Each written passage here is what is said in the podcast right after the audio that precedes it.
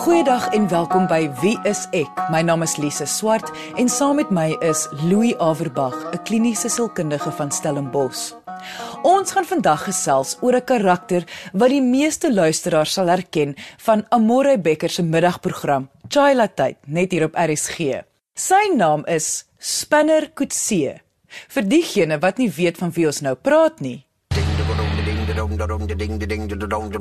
Die Willem weer van Spanner Kutsie.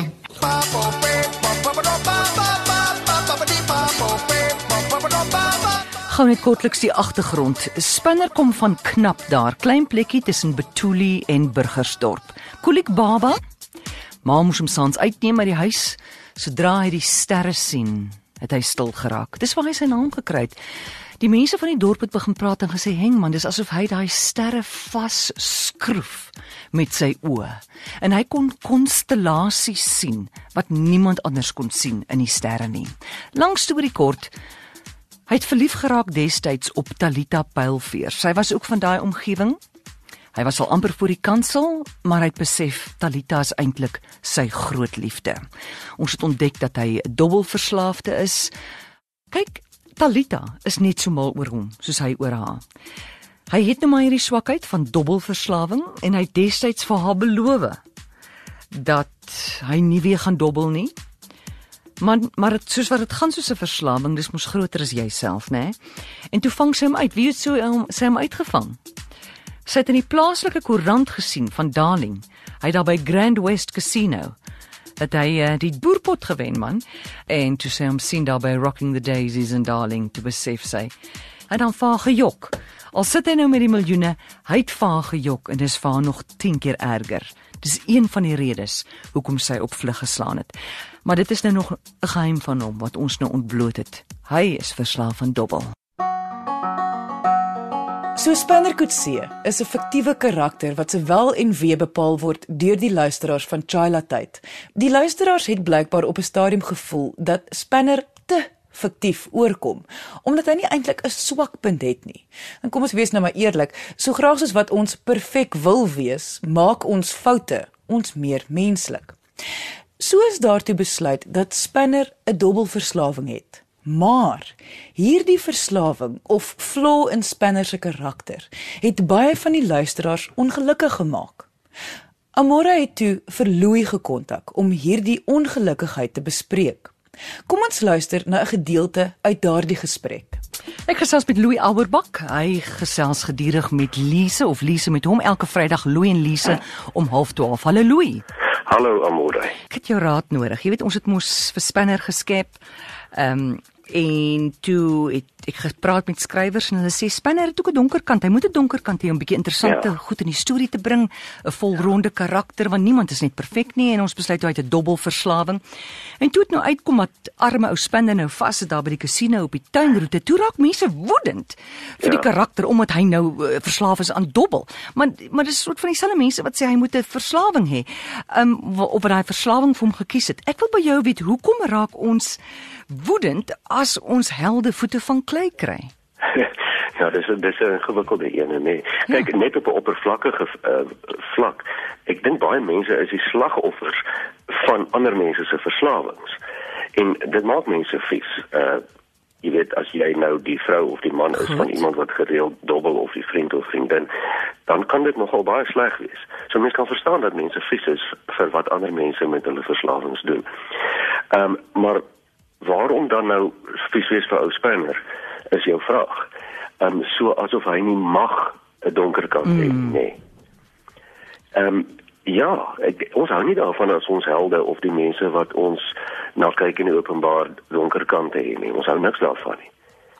Ek dink in 'n groot mate wil ons miskien hê ons helde moet beter weergawe van onsself wees.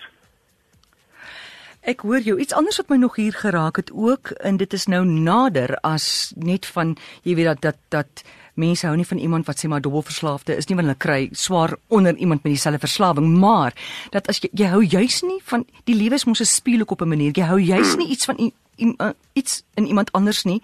En dan, dan kom jy agter die gits maar jy staan self agter die deur. Dit ons nie dalk net pers te persoonlik geraak daar nie Jong, ek dink daai ding is baie ongemaklik naby aan die waarheid. En mens sou 'n goeie saak kon uitmaak dat dat dit wat jy nou regtig niks van hou in ander mense nie, is eintlik maar daai deel in jouself wat jy nie van hou nie. Jy het jou eie geneigtheid miskien tot verslawing of al is dit nou nie dobbel nie, is kan se dalk TV kyk of selfs oefen, dit kan selfs enigiets positief wees. En ehm um, mens hou nie daarvan in jouself nie, nee. Louis, wat vir my interessant is, is dat die luisteraars wat Spinner se wel en wee bepaal, wou gehad het hy moet ook 'n donker kant hê. Hulle kies toe 'n dubbelverslawing. Maar toe hulle die stories begin hoor van hoe hy by die kasino sit en sy geld verkwansel terwyl hy eintlik vir Talita moet soek, toe raak hierdie verslawing vir die mense 'n probleem. Amore het vir my 'n punt beet met daardie denkbeeldige spieël waarin ons deurspanner eintlik na onsself kyk. Ja, en dit is wat ons projeksie noem. En as mens mooi daaroor dink, sien ons die wêreld hoe ons is. Ons sien nie die wêreld hoe die wêreld is nie. En dit wat ons nie van hou nie in ander mense nie, is gewoonlik maar 'n projeksie van dit wat jy ook nie in jouself van hou nie, nê. Nee of wat jy dalk by jouself herken en skaam oor is. Jou eie geneigtheid tot verslawing, jou eie geneigtheid tot plesier soek dalk of om te kan na die donker kant toe oorgaan. En dis maar wat projeksie is. So Spinner se se lewe en dan nou sy swakpunt die dubbelverslawing kan ook kollektief ons as die luisteraars wat nou saam die wel en wee deurleef van Spinner die die kollektiewe ding van dat dit is die speel dat ons almal het eintlik ook maar foute. Ja, en op daai manier is ons almal maar spanner. Ons almal ken vir spanner, ons almal het dieselfde ervarings as spanner. Ons het dieselfde foute as spanner. En ons hou nie daarvan nie. Ons is nie ons hou nie daarvan om te erken waar ons dinge waar ons foute of ons swakpunte geweldige probleme vir ander mense veroorsaak nie. Wat interessant is hiervan wat Amore vir ons uitlig, is dat die mense het self gekies om vir Spinner hierdie, kom ons noem dit nou maar negatiewe eienskap te gee. Maar die oomblik toe hy dit het, wil hom nie meer aanvaar nie. En is dit nie maar half uitbeelding van ons samelewing nie. Die manier hoe ons ons samelewing en ons helde opsit en hulle self laat val nie. Ek dink selfs in verhoudings, jy kies iemand en jy dink oh, hierdie persoon is so wonderlik en dit is al hierdie positiewe punte en die oomblik waar die eerste swakpunt sy kop uitsteek, is my so half onmiddellik versigtig. Ja, en teen teen en voel daardie persoon presies dieselfde oor jou. Jy luister na Wie is ek met Louie en Lise op RSG 100 tot 104 FM. Ja, my pyn is hoekom mense dink dit is so hengse skande dat hy 'n dubbelverslaafde is. Jong, ek sukkel self met daardie ding, maar dit is nogal wêreldwyd nog al die jare. So daar's sekere goed wat mense wil oorfluister. Mm. Ehm um, jy weet ek ek kan regtig oop en bloot loop en sê luister man ek het 'n verskriklike siekte wat my so swak maak dat ek nie elke dag uit die bed uit kan opstaan nie. Mense is nogal geneig om dit te sê.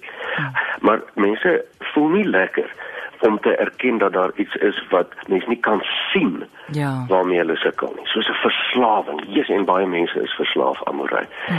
aan iets. Al is dit aan die gevoel van werk of verliefdheid of hmm. 'n sigaret, noem dit. Dit kan baie onskadelik ook wees. Ehm uh, maar nee, ons voel altyd dat dit 'n swakheid is. Hmm. En iets openbaar rondom ons karakter wat regtig tog nie eintlik so is nie. Ja. Ja, ons is soveel meer as net daai verslawing.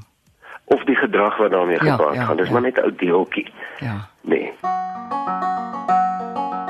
So om 'n verslaafde te wees aan iets is nie die probleem nie. Dit is die gedrag wat daarmee gepaard gaan wat die probleem is, veral wanneer die gedrag die individu of die mense om hulle negatief affekteer. Ja, natuurlik. Baie mense sal vir jou sê wat byvoorbeeld al vir 30 jaar geen alkohol gedrink het nie. Sal vir jou sê, "Maar ek is 'n alkolikus. Ek is 'n verslaafde persoon. Ek wys net nie meer die gedrag nie." Ehm um, en dit is dieselfde met met dobbel. So die oomblik as dit in gedrag oorgaan, is dit waar die probleme kom. Want dobbelverslawing soos alle ander verslawings of meeste ander verslawings veroorsaak 'n geweldige interpersoonlike prys. Mense word kwaad vir jou, hulle gaan van jou af weg, jy verloor dinge en mense. Dis dis nie die verslawing self nie. Jy kan nie help om verslaaf te wees dalk partykeer nie, maar jy kan help wat jy doen. Hoekom dink jy het die mense spesifiek dobbelverslawing as spanner se swakpunt gekies? My opinie, ek dink die meeste mense dink nie dobbelverslawing, spesifiek dobbelverslawing is so ernstig nie. Ja, ek is geneig om met jou saam te stem. Ek dink die gevoel oor die algemeen is man so 'n bietjie vinnig gou-gou wegglip en so uurtjie by die casino gaan sit en bietjie pret hê. Maar dobbelverslawing spesifiek is 'n baie ernstige ding. En ek dink hoe meer mense hieroor gedink het en hieroor begin agterkom het, hoe minder het hulle hiervan gehou. Dit is asof dubbelverslawing nog nie sy boeties alkohol en dwelm se lelike prentjies in die samelewing al het nie. Heeltemal reg. Dit is amper soos die onskuldige klein sussie van verslawing. En dit is nie. En die ander ding is dat mense dink dat die donker kant van mense uh, of of dit waarmee hulle sukkel soos 'n verslawing verteenwoordig so half die identiteit van iemand. Dit sê nie regtig altyd van mense wie hulle regtig is nie. So ek ek dink ons sal bietjie onregverdig vir Spinner oordeel om hom as 'n 'n gefaalde persoon of 'n swakkeling te sien net omdat hy op hierdie stadium in sy lewe so sukkel met die dubbelprobleem. Weksdae tydens Amore Becker se program Chila Tyd hier op RSG het die luisteraars gehelp skep aan die wel en wee van 'n fiktiewe karakter genaamd Spanner Kutse. Daar is gevoel Spanner het 'n swakpunt nodig om hom meer menslik te maak en 'n dubbelverslawing is deur die luisteraars gekies. Na die mense begin hoor het hoe Spanner by die casinos uithang, het die mense begin ongemaklik voel met hierdie spesifieke swakpunt wat hulle vir hom gekies het. Amore het toe vir Louis, ja, ons eie Louis hier van Wie is ek gekontak om te hoor hoekom is die mense dan nou so ongelukkig oor hierdie keuse wat hulle gemaak het. Dit alles het ons voor die advertensiebreek bespreek. Louis, ek wil wel nou gesels oor dubbelverslawing apart van hierdie karakter Spanner. Wanneer moet iemand begin besef dat dit nie net 'n lekker tyd by die casino is nie, maar dat hulle 'n verslawing het? Ek bedoel, is daar spesifieke tekens waarvoor mens kan uitkyk? Ja, daar is spesifieke tekens, maar dit gebeur geleidelik. Dubbelverslawing gebeur gewoonlik oor 'n lang tyd en as jy dan op 'n stadium jou oë oopmaak, kom jy agter ogenade jy's verslaaf of die persoon is verslaaf. En dan is die tekens al amper te laat. En die tipiese tekens wat mens oor die algemeen sien met dubbelverslawing is gewoonlik begin die persoon wat normaalweg sommer net bietjie vir die pret gedobbel het agterkom dat hulle langer dobbel as wat hulle gedink het hulle sal. Aan die ander woorde, gedink hy gaan so na uurtjie na die casino toe en as jy sien as jy 4 ure daarso. Begin dobbel totdat al jou geld klaar is. Jy dalk nou gedink jy wil net so 100 randjie gaan spandeer, maar éventueel loop jy daar uit met alles wat in jou beursie was en wat jy nog maksimum kon trek op jou limiet van die dag. Dit raak so geleidelik ding, mens kom dit nie agter nie totdat jy jou oë oopmaak en hierdie spesifieke tekens sien. Wat verder gebeur is dat mense begin slaap verloor omdat hulle dink aan dobbel. Dink moet ek nie dalk gou opstaan en gou-gou gaan dobbel nie. En hier kom die ander ding, dat mense begin geld gebruik om te dobbel voordat jy jou ander verpligtinge nagekom het. So ek gaan gou eers casino toe, maar ek ek het nog nie die die uitstaande rekening vir die elektrisiteit betaal nie, byvoorbeeld. Dan het jy nou al op 'n punt gekom dat jy sê genade, ek moet bietjie minder dobbel. Jy het nou al probeer, maar jy kry dit nie reg nie. Jy kom agter jy kry dit nie reg nie wanneer jy begin geld leen om te dobbel of geld verdoesel. Ek gaan gou net daardie geld gebruik wat eintlik nie myne is nie want ek gaan dit mos teruggee. Die aantal kere wat mens skuldig voel, daai diep skuldgevoel, deksels, dit moes nie gegaan het nie. Ek het alweer daai fout gemaak. Hier het ek nou alweer myself onder druk gesit. En dan die gevoelens van depressie wat baie keer daar mee saamgaan. Dobbelaars is baie keer depressief. Daar's ook 'n baie hoër voorkoms van selfdood onder mense wat dobbel verslaaf is. As mens dan regtig nou mooi verslaaf is aan dobbel, is hierdie die tekens wat jy sal sien. Soos altyd praat ons baie keer oor die drie dele van 'n mens, hoe jy dink en hoe jy voel en hoe jy optree. Soos jy nou verduidelik het, hoor ek absoluut hoe al drie betrokke is by 'n dobbelverslawing. Met ander woorde, dis daai denke van ek wil graag ek ek of ek is spyt, die gevoel van de depressie of daai en dan die gedrag van dit letterlik doen. Waarvan die gedrag by verreweg die grootste ro rol speel. Dobbelverslawing of oormatige dobbel was tot baie onlangs nog gesien as 'n kompulsiewe verstoring. Kompulsief beteken dat jy geen ander keuse het as om dit te doen nie en dit is dan iets wat op mense gedrag reflekteer. Jou kop skree dalk jy jy moet nie jy's jy's besig om droog te maak, maar jy kan jouself nie help nie. Die waren weer van Spanner Kutsie. Onthou jy Tufani Viljoen? Hier was ek het 'n gesprek gehad die skrywer oor Spinner toe sê hy ons so komplikasies en krisisse in Spinner se lewe en danksy almal se ehm um, reaksie en samewerking het ons op die volgende besluit. Spinner het toe nou 'n dobbel verslawing. Ek het die afgelope week met 'n sielkundige gepraat en hy het mos vir Melita saam met hom op die pad en sy hond Kole en ons het besluit dat Melita is 'n instaatsteller van sy dobbelprobleem, soos hulle sê in Engels, 'n enabler. En sy is ook heimlik verlief op Spinner. So gaan hy ooit by Talita uitkom. Daar word nou verwys na Melita, die vrou wat tans saam met hom op die pad is, dat sy 'n instaatsteller is. Nou Louis, watter rol speel 'n instaatsteller in 'n verslaafde se lewe en sy of haar verslawing? Dit sal gewoonlik iemand wees wat 'n belangrike rol in die verslaafde persoon se lewe speel. 'n Liefdesmaat of 'n vriend of 'n vriendin wat die persoon se dobbelverslawing op 'n manier onderhou sonder dat dit noodwendig bedoel is.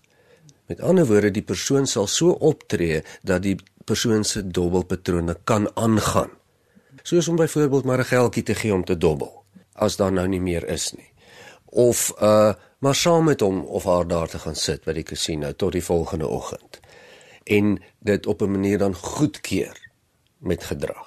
En soos ons nou gehoor het nou net in hierdie fiktiewe karakter se lewe Melita is heimlik verlief op hom. So deur die instaatsteller te wees, hou sy hom by haar. Natuurlik, instaatstellers kry iets uit hierdie hele verhouding uit dit wat jy die ander persoon mee in staat stel, gee dan vir jou ook iets in hierdie geval aandag, liefde of betrokkenheid. Spanner is nou by haar betrokke. Nou in hierdie geval is dit baie duidelik hoe sy 'n instaatsteller is. Maar eh, ek vermoed dit is nie so voor die hand liggend wanneer iemand 'n instaatsteller is in die kom ons sê nou maar tussen aanhalingstekens die regte lewe nie. Die beste voorbeeld hiervan is die bekende voorbeeld wat ons almal ken van ouers wat op 'n manier hulle kinders in staat stel om dwelmverslaaf te bly terwyl hulle probeer juis die teenoorgestelde bereik. Soos so sal die verslaafde seun byvoorbeeld uh geld nodig hê vir verblyf. En watter ouer wil nou sy of haar kind nou op straat sien en gee dan maar die geld. Of die deur wat gebreek het of die kar wat nou alweer gebreek het wat eintlik maar geld is om die verslawing te onderhou. Wat jy nou hiervan praat is ek ek wil nou amper sê dit is die teenpool van wat ons ken as as 'n uh, tough love. Dat daai die hele konsep van tough love is dat jy moet ophou om eintlik 'n instaatsteller te wees want jy besef nie jy is eintlik besig om hierdie persoon se verslawing te onderhou nie. Dis baie goed gestel. En daarmee bedoel ons nie dat tough love altyd die oplossing is nie. Maar tough love is juis dan die ding wat sê goed, ek stel jou nie verder in staat om met jou verslawingspatrone aan te gaan nie. Ek maak dit nie vir jou moontlik nie. Jy luister na Wie is ek met Louie en Lise op RSG 100 tot 104 FM. Hoekom raak iemand verslaaf of afhanklik aan iets? Het sy dit nou dobbel of alkohol of wat ook al is?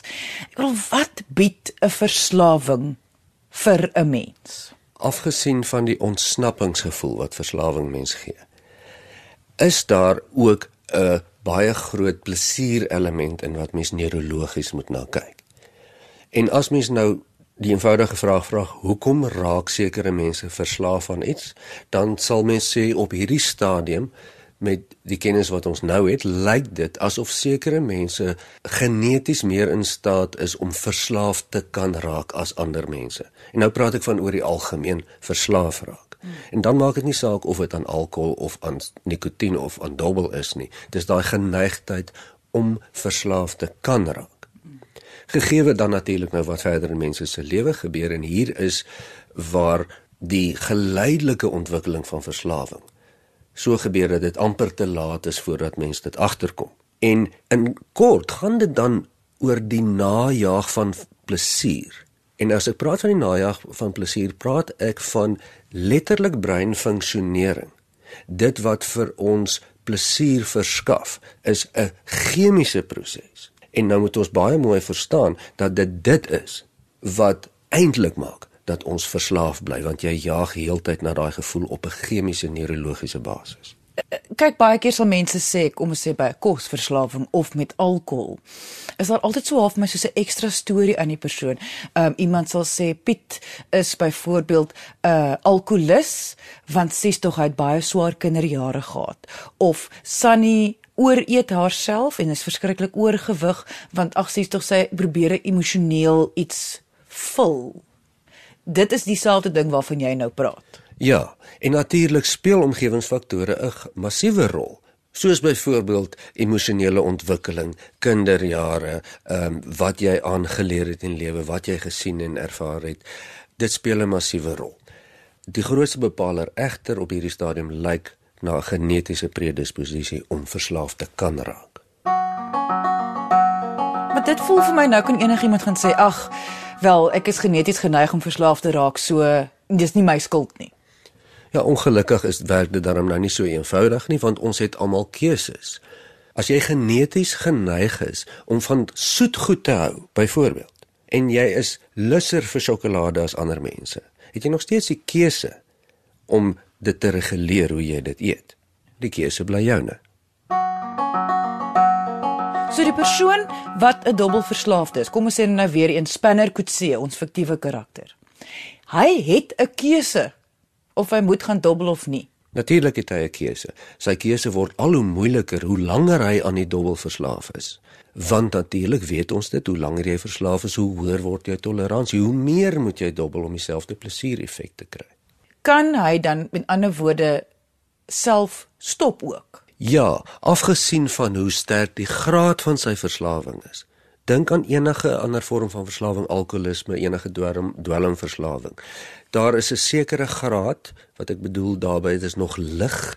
Dis nie so ernstig nie, dis nie so baie nie waar mens kan stop versus 10 jaar daarna waar dit so ingedrul is en dit so chemiese patroon geraak dat dit baie moeiliker is om te stop.